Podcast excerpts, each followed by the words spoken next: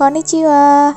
Di sini tempatnya buat kalian belajar tentang Seven Habits.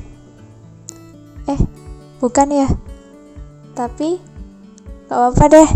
Kalau kalian pengen tahu atau kepo gimana sih Seven Habits itu? Boleh banget.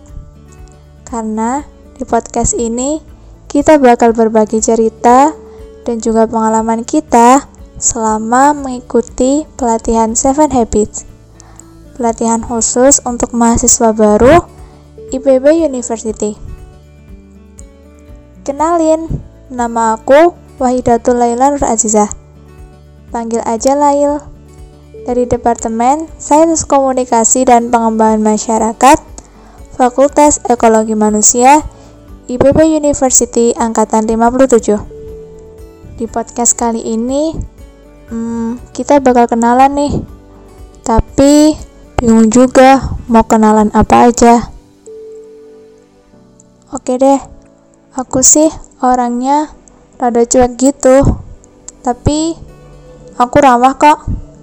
Kalau kalian mau kepo atau mau tanya-tanya tentang aku, boleh banget DM di Instagram aku at lail.anz. Jangan lupa ya.